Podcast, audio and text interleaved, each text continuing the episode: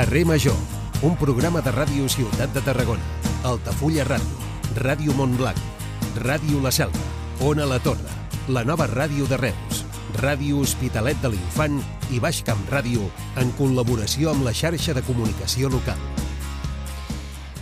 Hola, bona tarda. La desaladora de Foix, la que s'ha de fer al Baix Penedès i també l'ampliació de la Tordera seran una realitat aquí 4 o 5 anys i es finançaran amb fons europeus. És una de les qüestions que s'ha acordat avui en la reunió entre Estat i Generalitat per plantejar eh, solucions a l'actual situació de sequera que especial eh, afecta de manera especial. Ja ho han anat explicant aquests dies tota la conurbació urbana de l'àrea metropolitana de Barcelona. Aquestes desaladores encara tardaran 4 o 5 anys en arribar i, per tant, la solució immediata serà portar aigua des d'una altra desaladora. Aquesta, però, no està a Catalunya, està segon al País Valencià. I en aquesta reunió que hi ha hagut avui entre Estat i Generalitat s'ha dit com es farà si s'arriba a necessitar aquesta aigua eh, de segon. Es portaria amb vaixells des del País Valencià fins a Barcelona.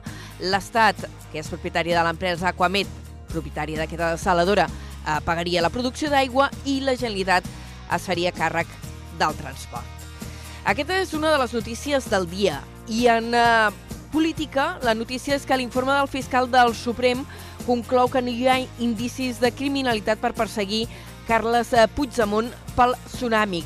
El document rebutja que es puguin atribuir als manifestants la mort del turista francès. De fet, el fiscal recorda al jutge d'instrucció d'aquesta causa, Manuel García Castellón, que per poder imputar delictes a un aforat, com és el cas de Carles Puigdemont i també de Rubén Wagensberg, el diputat Rubén Wagensberg, primer caldria que hi hagués alguna conducta concreta o algun indici o principi de prova que pugui servir per sustentar aquesta imputació. Tot i això, tot i el que diu el fiscal, el jutge de l'Audiència Nacional Manuel García Castellón va per lliure i avui ha anunciat a la, ha ordenat a la Guàrdia Civil que realitzi les comprovacions pertinents per comprovar si Rubén Wagensberg encara està al seu domicili a Catalunya o si ha marxat a Suïssa. En aquest cas, demanen que el localitzin.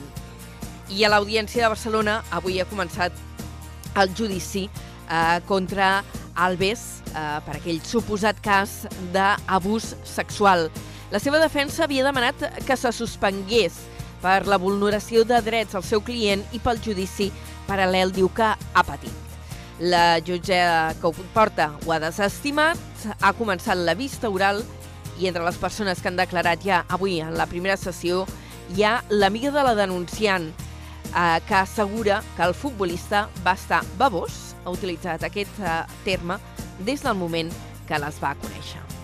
Això és Carrer Major. Ara hem apuntat notícies d'àmbit general, però de seguida entrarem a analitzar tot allò que és d'interès pel nostre territori. Us acompanyem tot l'equip que fem aquest programa. Són vuit emissores del Camp de Tarragona amb el suport de la xarxa. Us acompanyem l'Iri Rodríguez, l'Aleix Pérez, en David Fernández, la Gemma Bufies, la Cristina Artacho, l'Adrià Requesens, en Jonai González, en Pau Corbalan, l'Antoni Millado, Antoni Mateus, jo mateixa que sóc l'Anna Plaça i el Diago Moreno, el control tècnic. Comencem. Carrer Major, Anna Plaza i Jonai González.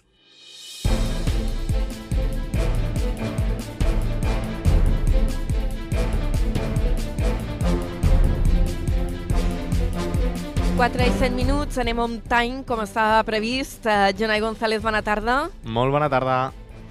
Anem a analitzar les notícies del dia. De moment les apuntem amb una pinzellada en forma de titulars. Avui destaquem per començar que la desaladora del Foix, al Baix Penedès, i l'ampliació de la Tordera seran una realitat entre 2028 i 2029 i es finançaran amb fons europeus. És una de les qüestions que s'han acordat en la reunió d'avui entre l'Estat i la Generalitat per plantejar solucions a l'actual situació de sequera que afecta especialment tota la conurbació urbana de l'àrea metropolitana de Barcelona. L'alcalde de Tarragona ha dit que no vol ni sentir parlar de la proposta de l'Ajuntament d'Altafulla de canviar els límits del terme municipal. Recordem que el municipi d'Altafulla demanarà moure la línia divisòria entre les dues poblacions per guanyar 70 hectàrees fins a arribar al riu Gallà. I a Salou avui s'ha aturat el desnonament d'una família a qui Immocaixa no ha renovat el contracte de l'habitatge protegit. La comitiva judicial ha ajornat el llançament fins al mes de març davant la concentració d'una seixantena de persones. Reus destina més de 250.000 euros en ajuts a empreses durant l'any 2023. Aquestes tenen l'objectiu de crear i mantenir llocs de feina que aportin una qualitat laboral. El pressupost de l'Ajuntament de Torredembarra per enguany pujarà a 27,6 milions d'euros. Es tracta d'un increment del 15,3% respecte als comptes presentats l'any 2023. Coll de Jou dona els 80.000 litres d'aigua de la seva piscina municipal, que està en obres, a Vilanova d'Escornarbou. L'aigua va arribar ahir al municipi i es va dispositar a una bassa de l'agrupació de defensa forestal. I avui també toca fer crònica esportiva. El Nàstic signa una victòria amb dos gols en dos minuts a Zubieta, al camp de la Reial Societat B. En hoquei patins, el Reus Deportiu va guanyar l'Alcoi per 6 a 5 i a l'Ale Plata una victòria pel CBT i una derrota pel Club Bàsquet Salou. I entre els carnavals més importants del territori, el de Tarragona, que ha començat a caminar ja aquest cap de setmana i ja té guanyador el primer premi. Es tracta de la disfressador que ha donat a la comparsa Disc 45 aquest primer premi de la disfressador. Moltes gràcies, Jonai. Ara hem fet un apunt en dos minuts, després ampliarem totes aquestes notícies. Fins ara. Fins ara, adeu. Adeu.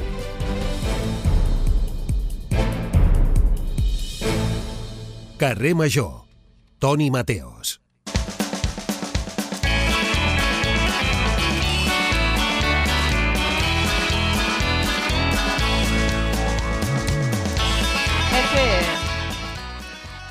I aquí a la selva també de carnaval aquest cap de setmana. Hem passat. ja hem començat també, eh? Sí, és que aquí a la selva són molt llestos. Els salvatans i salvatanes ho fan una Comencen setmana, abans. una setmana abans, fan el de la selva i després Ah, moltes clar, colles sí. baixen a Reus. Ah, evidentment. Per això, aquí al Baix Gaià tenim el cas de la Pobla, de Montornès, que és un poblet uh -huh. petit que hi ha aquí a tocar de Torre d'Embarra, i també hi han començat i han fet la seva rua, i així aquest dissabte podran anar a la macrorua de Torre d'Embarra. Veus que bé? Doncs aquí ja, ja hem passat la rua i disfresses amb molta mala llet, eh? Sí? Sí, Què has hi havia vist? uns- He vist uns que, que hi anaven de policia local Sí? i es deien eh, Rosa Percal. Toma ja. Rosa Percal. I dius tu, Molt bé.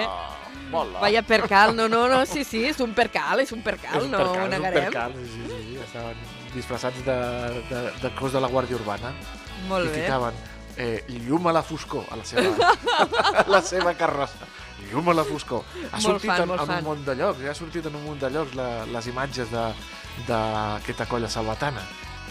De, clar, perquè ho devien patar molt.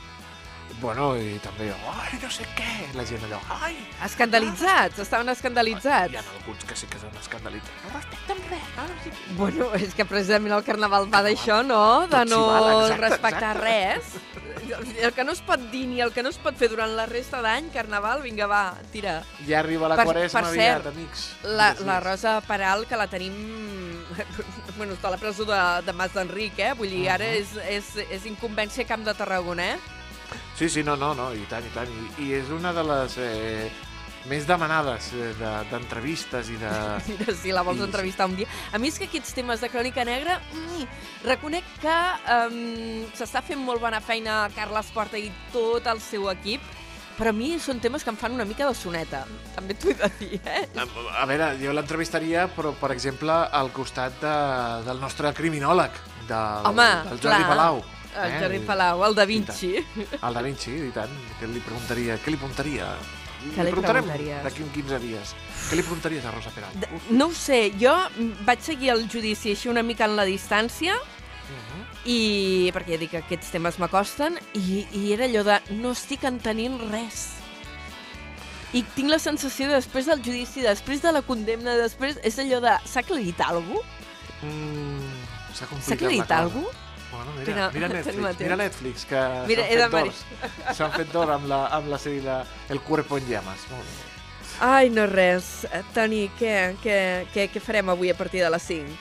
Moltes coses. Mira, tindrem uh, Aleix Álvarez, que és gerent del taller Avall, restaurador, i que ha estat guanyador del Premi Restaura de la Generalitat de Catalunya per la seva feina i la del seu taller. I parlarem amb ell perquè ens visita als estudis de la nova ràdio.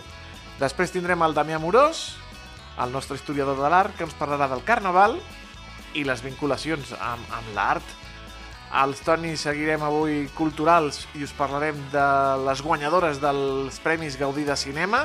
Home, Home, quins bandes- grans parlaments, eh, Sí, ahir? sí, sí, sí, sí. Des de les presentadores, la Anna Polo i la Maria Rovira, la Oye Sherman. Mo molt Eh, fans d'aquestes aquestes noies. No les noies. coneixia, però No? fans, des d'allà. Des d'allà, bueno, jo de la, de la Oye Sherman, que és, és fantàstica, la Maria Rovira. I, i també la seva companya, l'Anna Polo, també. I, i parlarem dels, dels Premis Gaudí. I tindrem banda sonora del camp, de Tarragona, i la furgoneta amb la Cristina Artacho. Ja veus Que quin programasso. On se'n va avui, la Cristina? Doncs no ho sé. Ens preguntarem amb ella. No, no, vale, no. doncs no res, pues, això. Ja veurem on marxa la Cristina. Sempre és una sorpresa. Ah, Ella molt bé, molt bé. I fiu, fiu. Fiu, fiu. Marxa. doncs, eh, això que- de fiu, fiu, això no era del Club Super 3? Uh, Sí, Super home. 3, fiu, Fiu, eh, fiu. Doncs, uh, Toni Mateus, fiu. eh, per favor. Jo ara he de fer una entrevista seriosa, per favor. Amb qui parles? Um, avui, doncs mira, en Pere Guinovar, coordinador territorial d'Unió de Pagesos, un de dels històrics, sí. Sí, sí, exalcalde del Morell i aquestes coses. Sí, perquè tenim la pagesia així una mica revolucionada i li anem a preguntar què. últimament, Últimament Sí. estem parlant amb molta gent revolucionada i enfadada, eh? Doncs, bueno, tinc una amiga que té el seu company a l'hospital que igual demà li fem un truc, eh? Perquè es veu que està passant una odissea a urgències. O sigui que Mare demà de igual ens ho explica. Oi, oi, oi. Sí, sí, sí, sí, sí. Mare. No res. Toni Mateos. Fins després. Fins després, Anna. Adéu. El valor del camp de Tarragona. Carrer Major.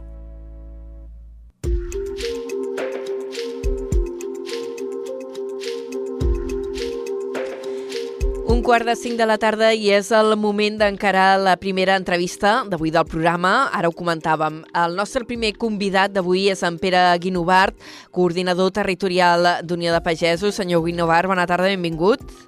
Molt bona tarda. I el motiu de l'entrevista és tot aquest seguit de mobilitzacions que hem estat eh, veient durant els darrers dies, setmanes, eh, arreu d'Europa, que ara arriben també eh, aquí a Catalunya. Unió de Pagesos, n'heu convocat pel dia 13 de febrer, però demà ja hi haurà mobilitzacions. La convoca una plataforma que es diu Plataforma 6F i des d'Unió de Pagesos, aquí en el cas del Camp de Tarragona, heu dit que hi donàveu suport. Si nosaltres, com comprendràs, des d'Unió de Pagesos, tots els pagesos, a vegades són afiliats o no, però hem de donar suport a totes les iniciatives. I com que de motius en sobren, doncs eh, val més que, com més serem, millor per, per aconseguir part dels nostres objectius que, que ens hem plantejat en aquestes mobilitzacions. Mm -hmm. uh, participareu demà hi ha previstos en el cas de, del nostre territori, en el cas del Camp de Tarragona, uh, hi ha previstos talls uh, a l'altura de Montblanc, uh, també a l'Alt Camp, a Vilarrodona, em sembla recordar a memòria, Sí, marxes sí. lentes a Mora la Nova i sereu presents també? Bueno, nosaltres a, del Camp de Tarragona, la, la, les marxes lentes són a les Terres de l'Ebre. Els companys del Priorat, de la Ribera i tal, doncs eh, ho faran fins a Amposta i els companys de l'Aldea doncs tallaran l'Aldea, però això, això és el coordinador de, de les Terres de l'Ebre. De les Terres de l'Ebre. Comentar, però sí, bueno, és una mobilització a nivell de, de tot Catalunya, que en definitiva eh, va començar, doncs, eh, vam començar a, a Lleida uns companys, després uns altres a Montblanc i a partir d'aquí doncs s'ha fet taca d'oli i, i està tot, a tot Catalunya. Vol dir que demà serà un dia, un dia per, per la ciutadania que ens trobarà en qualsevol lloc. Um, aquesta mobilització, aquesta plataforma 6F, uh, sorgeix una mica al marge de, dels sindicats agraris?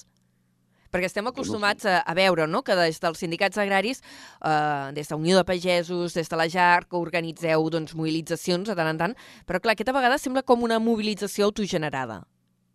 Bueno, és una mobilització que neix d'una plataforma del descontent que hi ha general i que a vegades doncs, eh, els sindicats entonant la meva culpa a vegades no sabem, no sabem que, captar lo suficient o, o la situació de, del nostre sector. No?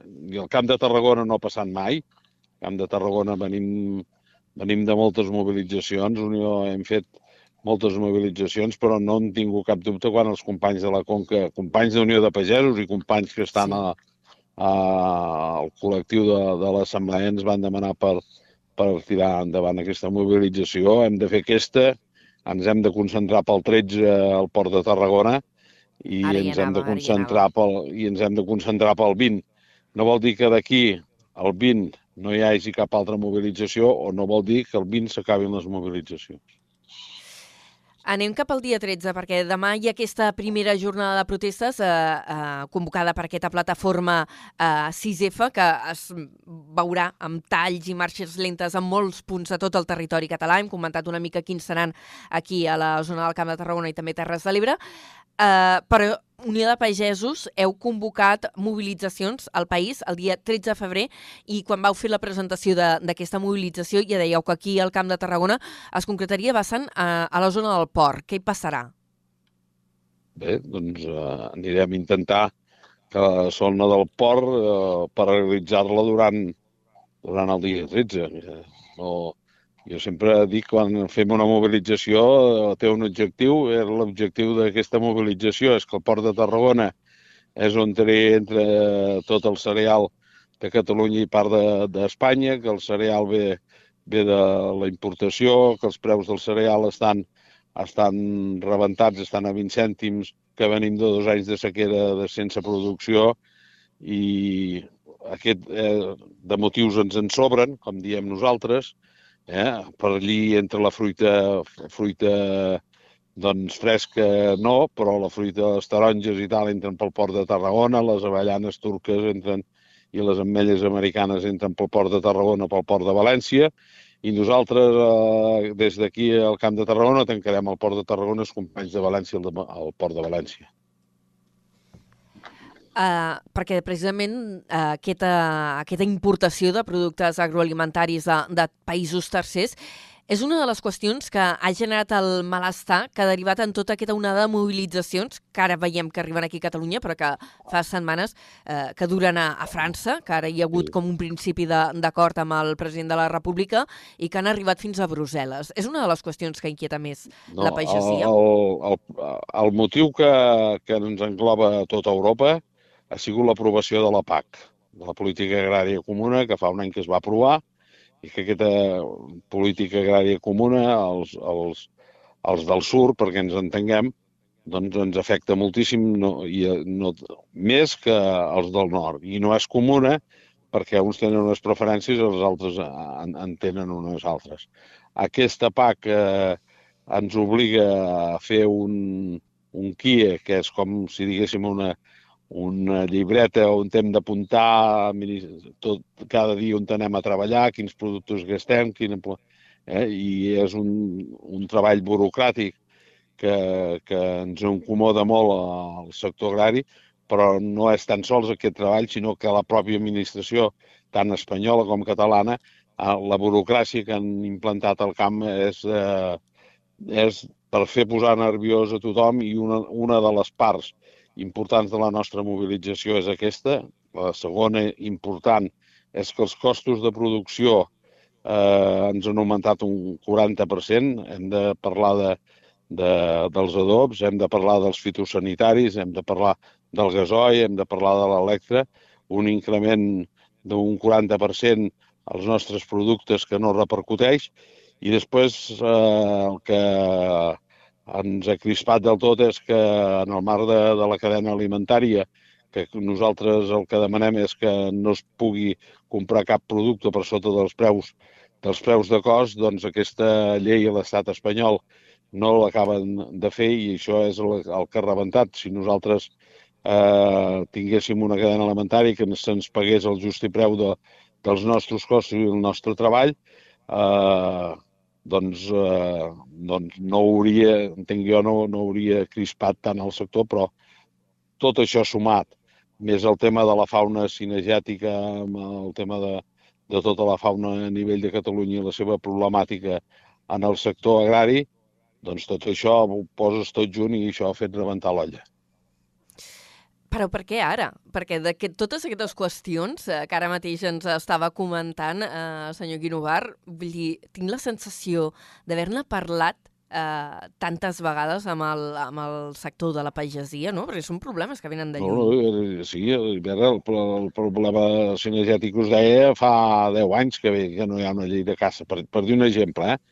mobilitzacions per l'augment de cost, ja fa dos anys a la Unió de Pagesos vam convocar mobilitzacions a nivell de tot Catalunya pels costos de producció i per la cadena alimentària. La, la Unió ja hem anat anant fent, però al, al final el que també ha fet bullir l'olla és que les respostes són tan lentes i arriben tan tard, tan tard que tenim joves incorporacions que s'han fet eh, per continuar el sector agrari, lamentablement és un compromís de 5 anys i els 3 anys han de plegar perquè no es guanyen la vida. I si el territori, si el territori no som capaços de que hi hagi joves que el conreïn, el despoblament va cada vegada a més, però després, quan hi ha un incendi, ens demanen els tractors perquè vagin a fer tallafocs a, a les zones perquè es pugui parar aquell incendi. I, en canvi, no hi ha unes polítiques de protecció de, de la pagesia i del món rural eh, en concret, que som els que mantenim tot, tota la Catalunya que volem equilibrada, que som els que ho mantenim i que no, no tenim resposta per part de les administracions, any darrere any, si no la despoblació no hi hauria sigut eh, tan intens com ha sigut, i al final doncs, dius, bueno, ens queda la sequera també ens acompanya, dius, bueno, ja no queda res, ja. vol dir que, que d'aquí a, en dos anys podem veure un debacle d'aquest 1% de població activa que queda al camp que no, no pugui continuar. I per, això, dos... per això ens ha, ens ha fet eh, anar de mobilitzacions, però a veure, nosaltres vam tallar la CLH també, eh? I, hem, sí, i hem, sí. vam estar a, a Repsol fa un any, eh? Vull dir, eh, a Repsol pel, pel tema dels carburants i hem continuat mobilitzant. El que passa que ara, generalment, tots ens hem posat d'acord per mobilitzar cada un eh, amb el color que pugui pensar, però que, que tots hem de mobilitzar perquè això ja n'hi ha prou. Uh, li volia preguntar dos cosetes més. Una, uh, una qüestió que ha comentat de, sobre la política agrària comuna, sobre la PAC europea, que diu que ens tracta diferent als països del sud al, als del nord i que ens surtin perjudicats. Per què? Bé, perquè ells, per exemple, tenen una pluviometria que no tenim nosaltres. D'entrada, eh, amb el okay. tema del cereal. Els cerealistes d'ells no, no, no tenen res res a veure amb nosaltres. El tema de que ens perjudiquen més, el, el tema de, de la burocràcia, ells encara no ho han aplicat en aquests moments perquè eh, quan se va aprovar la PAC se li va als estats membres el tema va dir que, que, ho, apliqui, que ho anessin aplicant i nosaltres a Espanya, com que som més llestos i més savis, eh, en, enguany ens volien aplicar el que era el KIA eh, el KIA del, del llibre de la burocràcia que en dic jo, ja ens el volien aplicar. Hem, hem aconseguit una demora, però el que hem d'aconseguir que, que això desaparegui de, en el marc de la burocràcia que ja tenim. I em podrien anar posant d'exemples de, amb, amb, els altres, amb el tema del marc de, dels fitosanitaris. Nosaltres pràcticament eh, de fitosanitaris ja eh, hi ha sectors que pràcticament ja no, no, no en tenim d'autoritzats, vol dir que eh, motiu de que moltes de les nostres produccions baixin, però per, per una altra banda veiem com el, els productes que entren d'importació a les altres zones tenen tots els productes que estan prohibits a Europa, s'ensofata amb els productes que, que nosaltres tenim, eh, tenim perquè per la salut dels europeus doncs són dolents, però quan entren per la importació, que estan ensofatats amb els productes doncs, que aquí ens han prohibit allà estan autoritzats, doncs nosaltres ens mengem els aliments que entren, sigui del Marroc, sigui de Xile, sigui de Perú, o, o ens mengem les taronges tan maques i que, que, que ens porten de Sud-àfrica. Uh, Però a vegades no, no, que, la seva traçabilitat que... no, no és igual que la nostra. Que no es posen els mateixos requisits als uh, productes que venen d'importació que els que, han de, els que heu d'aplicar aquí. Clar. És un altre del, dels motius, no? Uh, Bé, podríem estar que... parlant molta estona, però...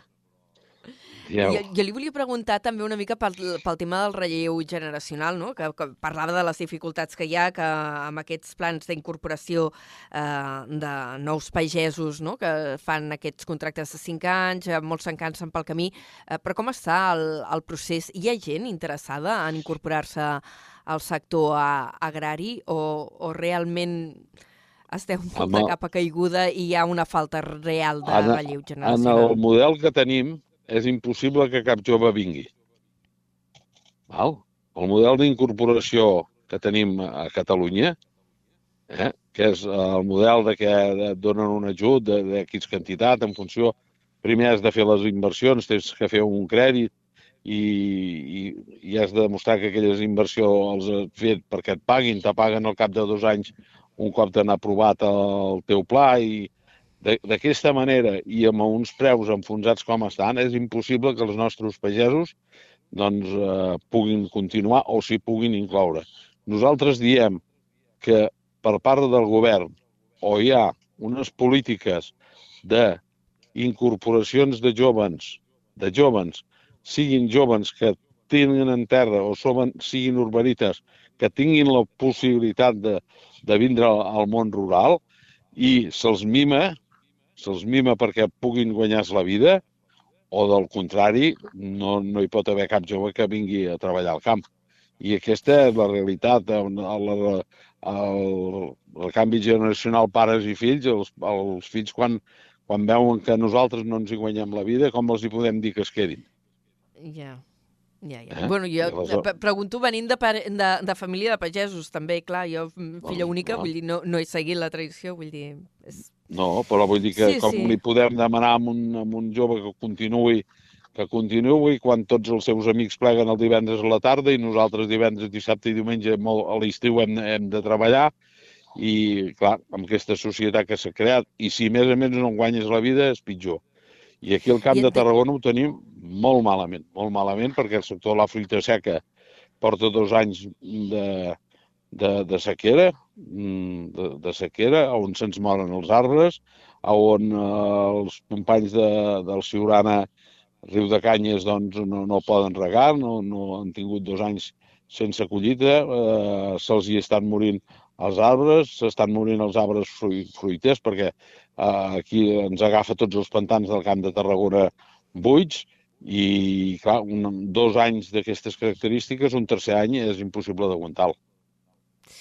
Doncs no és per desanimar-lo, però molt bé, no pinta l'any i, i a més van dir que el projecte de, eh, de reprofitament de l'aigua de, de la depuradora de Reus no sembla que no estarà llest encara aquest estiu. O sigui, serà, si no plou, serà un altre any complicat.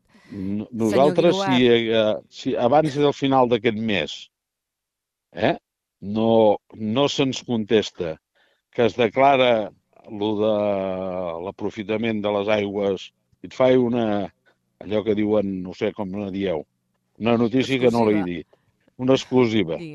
Eh? Si d'aquí a final, a final de mes no es declara per part del govern de la Generalitat, que només és el govern de la Generalitat qui ho pot fer, aquesta obra passar-la a una obra d'urgència, te dic jo que arderà Troia. Doncs demà comencem amb mobilitzacions, el dia 13 hi ha una altra jornada i doncs, si ha d'haver Troia ja ho explicarem també i ens anireu explicant la, les coses que convoqueu. Senyor Guinovar, moltíssimes gràcies per atendre avui el, la trucada de Carrer Major. Gràcies a vosaltres. Fins la pròxima. Adéu. Adéu. Carrer Major és proximitat.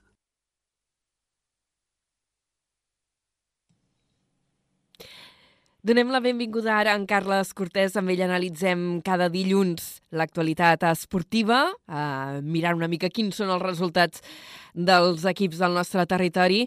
Carles, bona tarda, benvingut un dilluns més. Hola, Anna, moltes gràcies.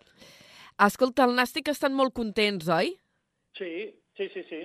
Continuen molt contents, perquè hem de dir-ho així, perquè ja és la millor ratxa de resultats de la temporada. No sé si ho recordes, eh, que enguany estem parlant molt d'un nàstic de ratxes. Gran ratxa inicial, mala ratxa de resultats entremig, gairebé per tancar l'any, ara nova ratxa de bons resultats. Però és que aquesta supera la ratxa inicial de la temporada. Ara el Nàstic encadena sis victòries i un empat. O sigui que estan números espectaculars. I a més a més ho fa després de guanyar un altre partit d'aquells que, que són un cop de punt damunt la taula, de prestigi, perquè va guanyar l'Estic 0-2 al camp de la Reial Societat B, el filial de la Reial Societat, en gols de Pablo Fernández i de Jaume Jardí. I per què dic que és un cop de punt damunt la taula? Perquè la Reial Societat B també és aspirant a jugar la promoció d'ascens. I ara deixes el rival 11 punts per darrere. Per tant, gran ratxa de resultats, la millor de la temporada, cop de punt damunt la taula, o sigui que el Nàstic ara està en un moment molt dolç i vaja que si ho allarga així, jo crec que acabarem parlant, Anna, d'un equip com a mínim que jugarà la promoció d'ascens, com a mínim. Com a mínim. Uh, escolta'm, uh, havíem anat dient al llarg de la temporada que en aquesta categoria uh, estaven tots els equips com a bastant anivellats. Comença a haver-hi ara ja més disparitat? Mm, es marca molt la zona alta de la classificació, sí, o sigui, ara, ara si comencem a repassar la classificació sí que veuríem que hi ha un grup d'equips que, que lluitaran per jugar la promoció d'ascens. Ja no dic qui pujarà, puja només un directe, i els altres quatre juguen la promoció d'ascens. Eh? Primer, ascens directe, segon, tercer, quart, cinquè, promoció d'ascens contra quatre equips de l'altre grup. Ho dic per anar situant-nos. Ara el Nàstic és segon, està a un punt del primer, que és la Pontferradina. Però sí que és veritat que Pontferradina, Nàstic, Cultural Leonesa, Celta B, el filial del Celta, Deportivo de la Corunya i Barça Atlètic s'estan consolidant en aquesta zona alta i estan marcant una mica de diferència respecte als perseguidors. No sé si això acabarà així, però per aquí anirà la cosa. Sí que jornada 22, encara en queden 16, eh? 16 per acabar la Lliga, però crec que s'està començant a marcar el grup d'equips que lluitaran per quatre llocs de promoció d'ascens i per un lloc d'ascens directe.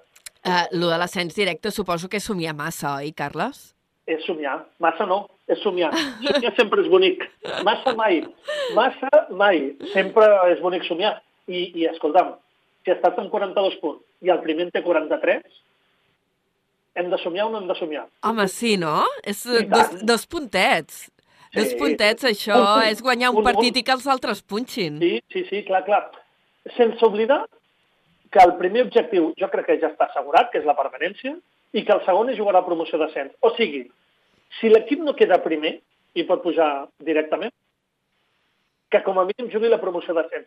Però que no cada primer sigui cap fracàs, cap decepció ni res d'això, eh? perquè quan estàs lluitant per ser primer i perquè les circumstàncies del futbol potser no t'ho permetin, que tampoc no passa res. Està molt bé jugar també la promoció d'ascens. I a nivell de joc, com els estàs veient? Sempre igual. La sensació és que és un equip molt regular, saps? És un equip que basa el seu joc en porteria zero. Si no en marquen... Bona defensa, tindrà... doncs. Sí, sí, la millor del grup. De carrer, eh? Però a més, sí, tu pensa que, que el Nàstic només ha encaixat 12 gols en 22 jornades. O sigui, per fer números grossos, el Nàstic encaixa un gol cada dos partits. Això és boníssim, és extraordinari, és espectacular. Són números d'equip d'estar a la part alta de la classificació. Per tant, el joc del Nàstic quin és? Portaria zero, però sí que tindré una, dues, tres ocasions cada partit. Si les faig, si les faig just, guanyo el partit. Aquest és el Nàstic. Segur defensivament i aprofitar les poques ocasions que tingui ofensivament, perquè tampoc no és un equip superofensiu, d'aquells que té 25 ocasions cada partit, que juga molt bé a futbol tocant la pilota, no. Juga a futbol al futbol que li agrada jugar. Uh, més qüestions. Canviem de... Canviem... Anava a dir d'esport, no, però si vols repassem una mica el resultat de, dels altres equips del territori que juguen a, a tercera de federació. Mira, ràpidament, el Reus va perdre a casa 0-1 contra el Vilafranca. Resultat sorpresa, deixa'm-ho dir. Vilafranca, equip de zona baixa, el Reus aspirant a promoció d'ascens, sorprenent derrota a casa del Reus, que queda a dos punts de la promoció. I la a casa, eh? Sí, sí, sí. I, i, i dic sorprenent, eh? Perquè jo, jo pensava que el Reus eh, aquest partit el guanyaria i es consolidaria en promoció de temps i no ha pogut fer-ho, queden jornades, eh? no passa res, eh? però hem de dir que és un resultat sorpresa, ho hem de dir així. Mm. La Pobla va perdre 2 a 1 al camp del líder, de l'Olot, però guanyava 0-1 fins al minut 85. Ostres. I en dos minuts, pum, li van donar el tom al marcador i la Pobla va perdre 2 a 1 al camp de l'Olot. Encara notícia... fa més mal, això. Sí, sí, sí, sí, sí, sí. O sigui, els entrenadors surten contents perquè el seu equip ha donat bona imatge però home, l'aficionat surt allò disgustat perquè no has guanyat, aquesta és la veritat. Eh? I, I més quan guanyaves durant 85 minuts de partit. Mm -hmm. Però vaja, no? està a 4 punts de la promoció d'ascens de Poble, que jo crec que primer s'ha d'assegurar la permanència, i la Repitem que va guanyar, salvant l'honor dels equips de casa nostra, 1-0 a la muntanyesa, però està encara a 4 punts de la permanència. Pobres. Sí. Aquests anant patint tota la temporada. Escolta, i els que anaven patint i ara sí que canviem d'esport i ara estan Sí. més tranquil·lets són els del CBT. Sí, senyora, sí, senyora, sí, efectivament, el Club Basquet Tarragona, que va guanyar el Gran Canària, 82 a 66, i mi- mi- mira si ha anat bé aquesta victòria, la sisena de la temporada, que surt de les zones de descens directe. O sigui, que agafa aire. Important aquesta victòria de la jornada 18. Encara s'ha necessitat com a mínim 4 o 5 victòries per assegurar la permanència, però el camí l'està llaurant bé. Recordo que a principi de temporada era crític, perquè, no sé, ara ho dic de memòria, però crec que van quedar 5 derrotes consecutives per començar, i tots pensàvem, ai, ai, ai, ai, ai, ai, ai, ai, ai. Doncs mira, amb el canvi d'entrenador, amb Ricardo Serna, l'equip agafa aire, eh, lluitarà per evitar el descens, això ja ho sabíem, però com a mínim ara, gràcies a aquesta victòria, surt de les zones del descens directe. El que també és sorprenent és el resultat del Salou. Què li ha passat al Salou? És que va perdre de 26 punts a la pista d'un rival directe. Quin Sí. mal! Clar, tu pots perdre, tu pots perdre un partit. Això és el món de l'esport, pots perdre, evidentment. Però clar, perds contra un rival directe i de 26 punts. Mm, derrota dura, derrota dura. Salou està cinquè a la classificació, zona tranquil·la, però, però derrota dura, derrota dura que has d'intentar refer la setmana vinent a casa contra un altre rival directe, que és el Benicarlo. A veure si diumenge l'equip de Jesús Muñiz es refà d'aquesta duresa i guanya un rival directe. Escolta, parlant de ratxes, no? Mm, Dic que el Nàstic ara està encadenant una ratxa meravellosa, però el Salou, que havia anat així bastant bé tota la temporada, ara portem Bueno. unes setmanetes que... No, tampoc no ha tingut ratxes de victòries consecutives, eh? però el Salou ha sabut trampejar molt bé l'inici de temporada. Va canviar completament la plantilla. La temporada passada va patir per aconseguir la permanència. Bé, la va aconseguir els despatxos. Um, I sabia que havia de canviar tota la plantilla per, per, per assegurar-se la permanència. La va canviar i és un d'aquells equips que guanya, perd, guanya, guanya, perd, perd, guanya, guanya... O sigui, no ha estat un equip de grans ratxes com el Nàstic. És un equip de guanyar, perdre, guanyar, perdre, guanyar, perdre i saber trobar aquest equilibri que et porti a la permanència. Mm. Escolta, i un altre equip que estan tranquils eh, és el Valls, que ha tornat a guanyar. Sí, a, a, a mi lo del Valls em fot ràbia, perdó, eh? Ai, per què? Sí, no, perquè guanya, guanya, guanya, guanya. De fet, porta 13 victòries en 17 jornades, 13 victòries, 4 derrotes. Aquest cap de setmana ha guanyat a la pista de l'Espanyol de 9 punts, 76-85. Guanya, guanya, guanya, guanya. Però és que els dos primers també guanyen. I Ja, també és mala sort que l'equip de la Bisbal porti 16 victòries i només una derrota i el Mollet 15 i dues. I, I el Valls és allò de dir, ostres, està fent una gran temporada, està guanyant, està guanyant, està guanyant, està guanyant, i no hi ha manera de retallar amb els dos primers classificats. ja. O sigui, estan mi- tots mi- molt regulars, no? I... Clar, I, i, per això et dic ara que a mi em fot ràbia, perquè fas una gran temporada, però és que els altres estan en un nivell espectacular. Això és el Lliga EVA. Eh, hi ha possibilitat... Aquí com funciona? També hi ha un play-off descens entre Sí. els quatre primers classificats? Els dos primers, dos primers. Dos, els només. Primers. Per això et dic que el Valls és tercer, 13 victòries, 4 derrotes, gran temporada, però és que els dos primers estan imparables. Fixa't, Uau. el primer està a 3 victòries, 16 la Bisbal, 13 el Valls, i el segon en té 15, està a dues victòries. I, I no paren de guanyar, i no paren de guanyar, i no paren de guanyar. I És a dir que- ràbia. Tot, tot i aquests bons resultats, de moment ho té una mica complicat, no? Per Clar. situ... Clar. Home, ha de guanyar el- els duels directes, d'aquí em sembla dues o tres jornades, ara ho dic de memòria, crec que juga contra la Bisbal, per tant, estàs obligat a guanyar, obligat, i quan jugues contra el Mollet, estàs obligat a guanyar. Per què? Perquè si no, no retalles. No hi ha manera de retallar.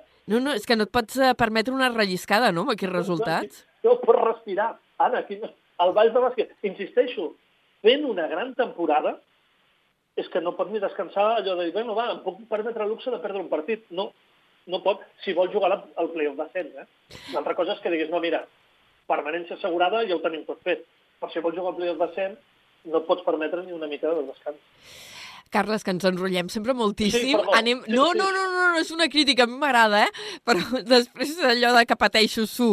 Um, passem a l'hoquei. Uh, respiren tranquils, no, els equips? Bona notícia. Bon Sí. sí. cap de setmana. Ens agrada. Bé, han guanyat els dos. D'un gol, però han guanyat el Calafell a Lleida, 3 a 4, i el Reus davant l'Alcoi, 6 a 5. A més, el Reus davant d'un rival directe, perquè la COI estava empatat a la classificació. Per tant, ve el Calafell, tercer, 28 punts, tercer, i el Reus agafa aire, després de les derrotes de les últimes setmanes, 25 punts, per tant, el Reus està a 3 punts del tercer classificat. Bé, els dos primers juguen aquest vespre, que és Barça-Noia, partit aquest vespre. I ja vam dir que aquests dos primers, Barça-Noia, estan en una altra dimensió, Mira, no? Mira, Anna, apunta a l'agenda. Diumenge, Sí? dos quarts d'una, Noia-Reus.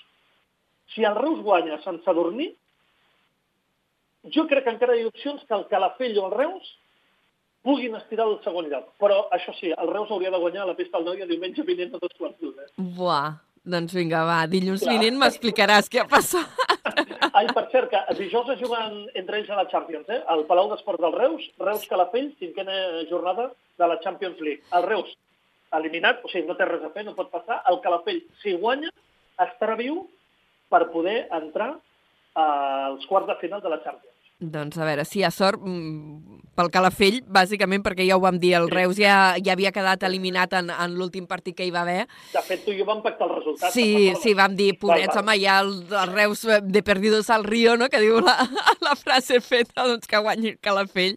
I ja Correcte.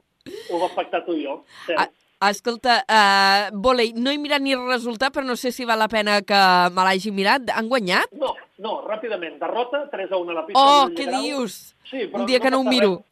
Sí, però no passa res, perquè es continua líder, eh? 12 victòries, dues derrotes per davant de l'Ibiza, per tant no passa res. Una derrota ja està bé. Guanyar, perdre, guanyar, perdre, quedar allà dalt i pensar quan arribi la, el play-off descens. Però quan arribi, encara queden unes quantes jornades. Cap problema. 3-1 derrota, no passa res a la pista de Villa de Grau d'aquesta manera.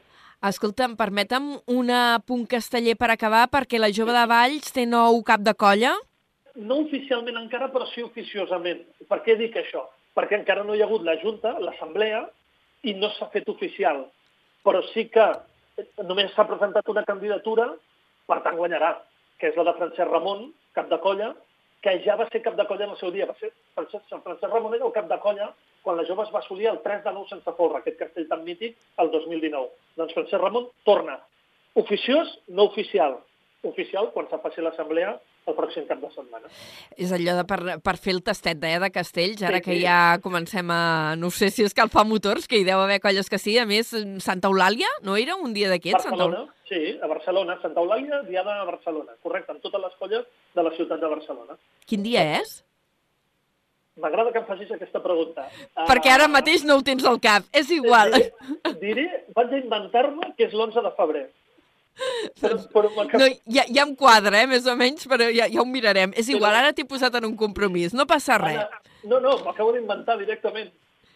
D'aquí no res, Santa Eulàlia. I, I ja hi ha castells a Barcelona. T'ho Què? confirmo. Diumenge 11 de febrer, 11 del matí, plaça Sant Jaume de Barcelona. Doncs vinga, va, per la gent que tingui ganes de, de castells aquest diumenge, que agafin el tren i se'n vagin no, a la plaça. No, no, aquest No? Ah, no, ah, no aquest, 11 aquest, aquest. No, Aquest, perquè avui som aquest. dia 5, no? Dia Cert. 11.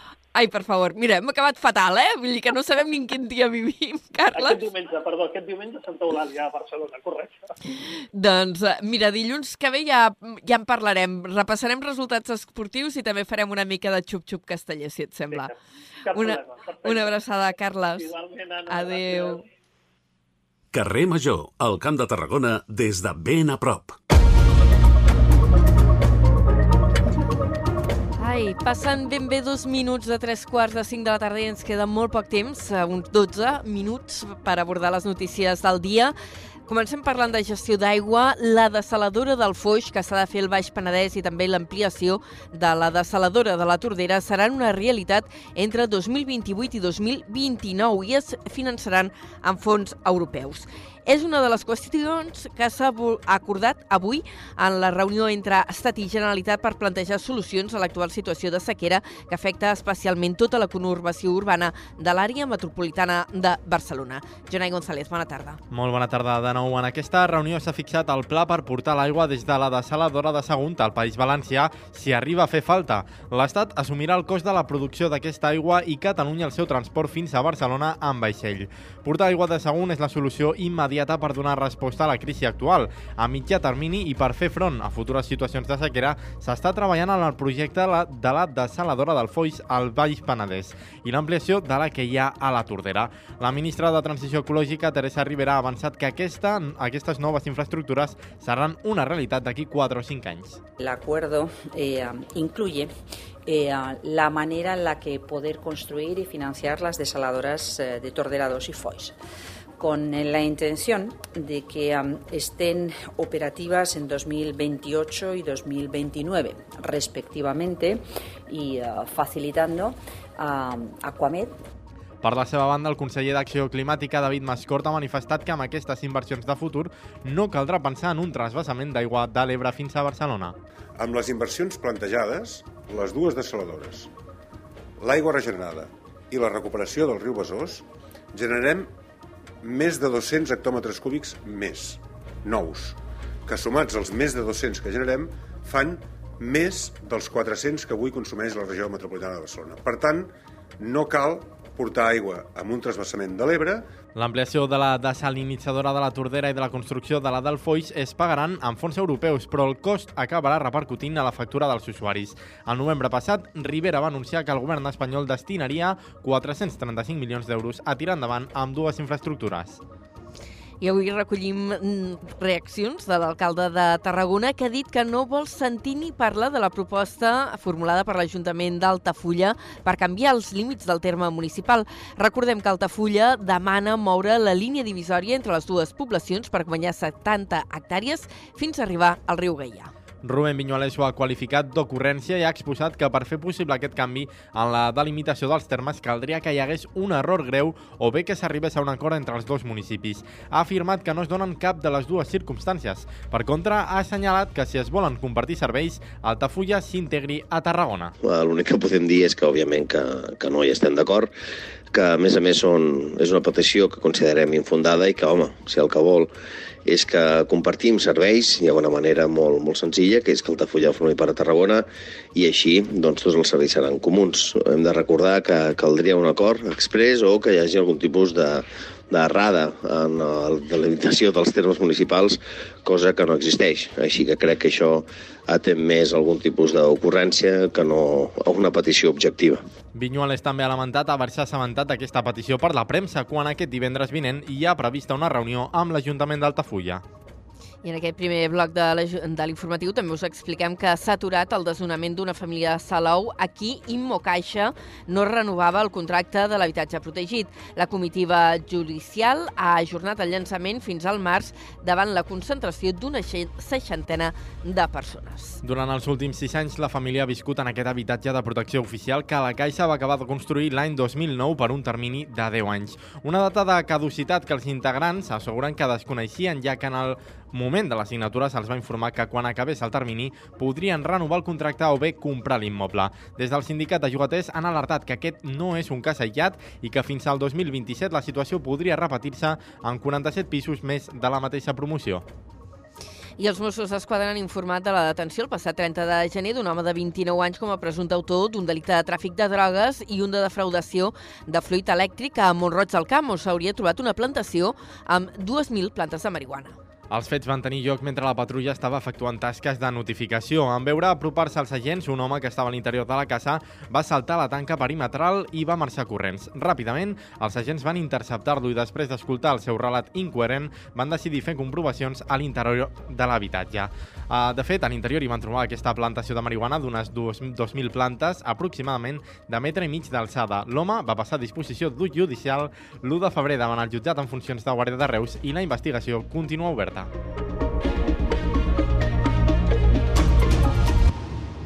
Entrem en crònica local. Reus destina més de 250.000 euros en ajuts a les empreses. Aquestes tenen l'objectiu de crear i mantenir llocs de feina que aportin una qualitat laboral. Des de la nova ràdio de Reus ens ho explica la Laura Navarro. El passat 2023 es van crear diverses línies d'ajuts, com la de Reus Espais Vius, en què la seva primera i segona fase ha destinat més de 157.000 euros a una vintena de nous negocis que han obert els ravals Martí Folguera, Sant Pere, Robuster i Paiol, tots ells amb un compromís social, econòmic i mediambiental. També hi ha ajuts dedicats a la creació d'empreses dirigides als nous negocis que hagin invertit com a mínim 10.000 euros. Una altra de les línies exitoses ha estat els ajuts per les empreses i autònoms que hagin ampliat la seva plantilla a causa de voler reduir de forma directa la xifra d'aturats a la ciutat i que va repartir 35.000 euros que s'ha traduït en la contractació de 7 persones. A banda, encara queden altres ajuts disponibles a l'actual edició del programa 30 Plus del Mas Carandell, un programa que ofereix a les empreses del territori ajuts per contractar a persones de més de 30 anys en atur per un període mínim de 6 mesos i que en els últims 3 anys l'import d'ajuts atorgat a les organitzacions ha estat al voltant dels 887.000 euros.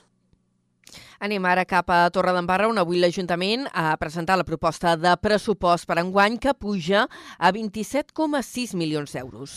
Es tracta d'un increment del 15,3% respecte als comptes presentats l'any 2023. Ens fa la crònica des d'Ona la Torre en Josep Sánchez. Segons apunten des del consistori, aquest pressupost s'ha adaptat a l'actual conjuntura econòmica marcada per l'increment de l'IPC, dels tipus d'interès i de les retribucions dels treballadors públics. A més, també cal remarcar les millores en els serveis de la recollida de residus i de la neteja viària que suposen un increment important. L'alcalde de Rovira ha remarcat que l'augment tan destacat del pressupost es deu també a que l'any passat ja tenien previst utilitzar el romanent més tard per cobrir despesa corrent.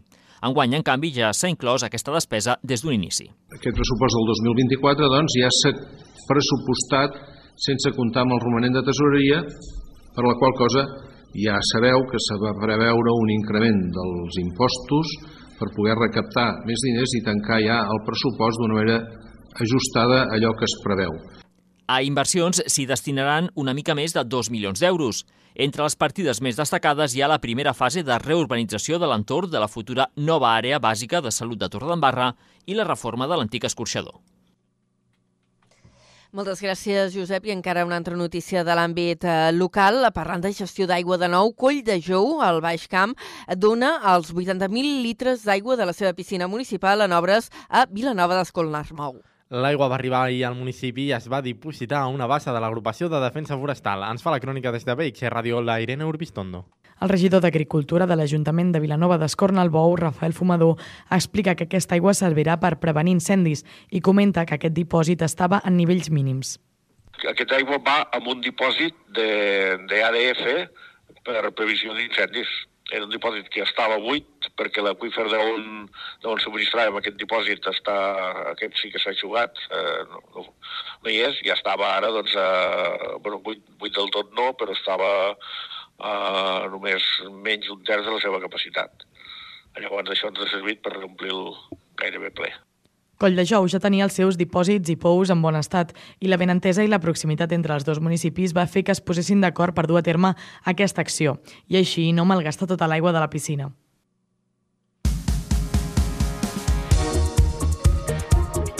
I anem als esports en format molt breu. El Nàstic signa una victòria amb dos gols en dos minuts a Zubieta, al camp de la Reial Societat B. Amb aquest resultat, els granes segueixen segons a la classificació per darrere de la Pontferradina. Victòria del Reus Deportiu davant de l'Alcoi al Palau d'Esports per 6 a 5. En un partit entre dos equips igualats a la classificació, els reusencs es van imposar en una remuntada a dos minuts pel final. I en bàsquet a la LEP Plata, una victòria i una derrota pels equips de la demarcació. El CBT ha respirat i, en canvi, i el CBT rep en correctiu, un correctiu al Prat. El Club Bàsquet Tarragona va guanyar amb mà de ferro al Gran Canària per 82 a 66 i el Club Bàsquet Salou va rebre aquest correctiu per part del Prat amb un partit que va acabar 106 a 80. I eh, acabem simplement apuntant que la comparsa a Dis 45 ha sigut la guanyadora de la disfressa d'or, un dels primers actes multitudinaris del Carnaval de Tarragona. Tanquem així la primera hora de carrer Major, ara agafarà les regnes Toni Mateus i companyia. Adéu.